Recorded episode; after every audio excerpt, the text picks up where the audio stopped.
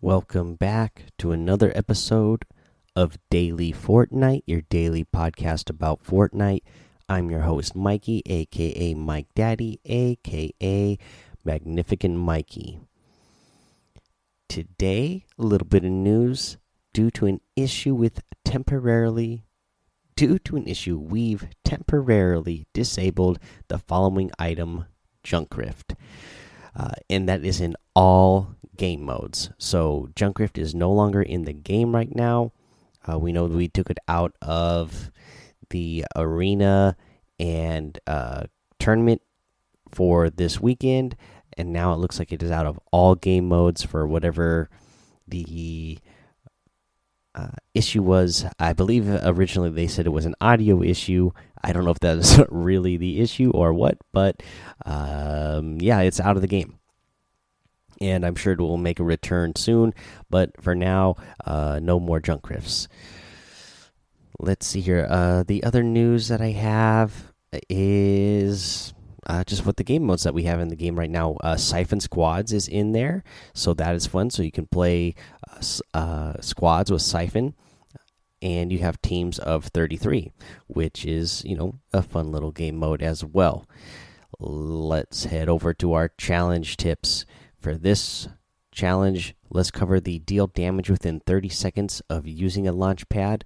That is the normal challenge. And then in Prestige, you need to eliminate eliminate an opponent within 30 seconds of using a launch pad. And I think the easiest way to do the easiest way to do this one guys is of course Team Rumble because there's so many supply drops that you come across in in Team Rumble that you're likely to get launch pads or you're likely to run into launch pads that you can use yourself from other people putting them down because there's going to be a lot of people in a small area and the, there should be some launch pads that get put down. So you should be able to easily deal damage to opponents after you land you know 30 seconds after you land uh, off of using one of these and same with elimination once you're in Team Rumble because there's going to be again so many people in a condensed area. Everybody's going to be in the area so should be pretty easy to do. All right let's take a little break here. We'll come back go over the item shop and our tip of the day.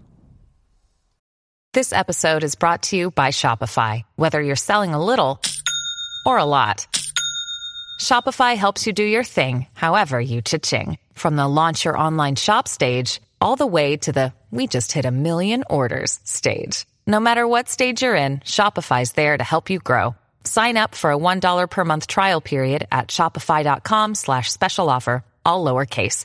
That's shopify.com slash special offer. All right, let's go over the item shop today and I gotta agree with Echo Bucket from Discord that this new outfit, the Fennix outfit, is probably the best animal themed outfit that Fortnite has put out. I really love this one. Fennix never outfoxed. Of course, he is a fox. It will remind you of uh, Star Fox, of course, uh, or you know potentially potentially it could remind you of uh, Tails from Sonic and Tails. But this guy only has one tail, so it it it reminds me more of. Uh, Star Fox, especially since he's already geared up. He looks like he's ready to go drive a mech or drive a uh, some sort of space jet. Uh, it also comes with the Fox Pack back bling, Sly, and Spiky. I just overall love the look of this fox. I love the yellow eyes. Uh, they just did a really good job of you, you know all the facial features and the ears. I love the spikes on the shoulder pads. Uh, overall, really, this is just a good good looking outfit. Uh, you know, like uh, Echo Bucket said, uh, the best best animal one that they've put out probably. They have the Spike clone harvesting tool in this set as well the fur force set sleek and spiky. This is a pretty cool harvesting tool. I, I like these ones. Like it says sleek and spiky. I like a lot of the uh, harvesting tools that are sleek and don't take up much room on the screen when you're playing. So this is a really good one. Let's see here. We have the copper wasp outfit in the item shop today. We have the power punch harvesting tool the stinger wrap and the Suki outfit, one of my favorite outfits. You guys will know who are playing with me today. Uh, playing uh, in creative mode with some of you from the Discord today. Uh, you may have noticed that was the outfit that I was wearing during that time, just because I absolutely love this outfit and I wear it all the time. We have the Infinity outfit. I absolutely love this one as well. Uh, the Star Strike harvesting tool and the Eternal Zero wrap. Really cool wrap. Uh, we have the Snow Strike outfit, the Studded Axe harvesting tool, the Relay outfit, the Intensity emote, the Drum Major emote, and the Rock Paper Scissors emote if you guys are going to get any of the items in the item shop today, I'd really appreciate it if you use that creator code Mike Daddy M M M I K E D A D D Y in the item shop, as it does help support the show. All right, let's get to our tip of the day, and I'm going to bring it back to playing with uh, you members from the from the Discord. I had a lot of fun today. I don't remember how long I got to play with you guys, maybe about an hour or so. Uh, either way, I had a lot of fun, and we were playing in Enigma's mini battle royale map. Now, I've seen YouTube videos made about this, people saying that was good. Uh, you know, I was watching them, uh, people talk about it while I was on vacation. This was my first time playing it since getting back from vacation, and I got to say, this uh, mini battle royale map made by Enigma is really good. Uh, so I would definitely suggest playing this. I it really helps you. You know, it's a smaller area than obviously the full Fortnite map. It's on this you know island, one of the islands that uh, Enigma used to make this, and uh, I think it's just really, really well laid out. Uh, there's lots of loot everywhere. Uh, and it just helps you. You know, it's got the 500 mat cap on. It's got siphon on, so it it's it gives you really good practice if you were playing for you know in arena mode. Uh, and again, not only that, but it's just a ton of fun if you're playing in there with a good group of people.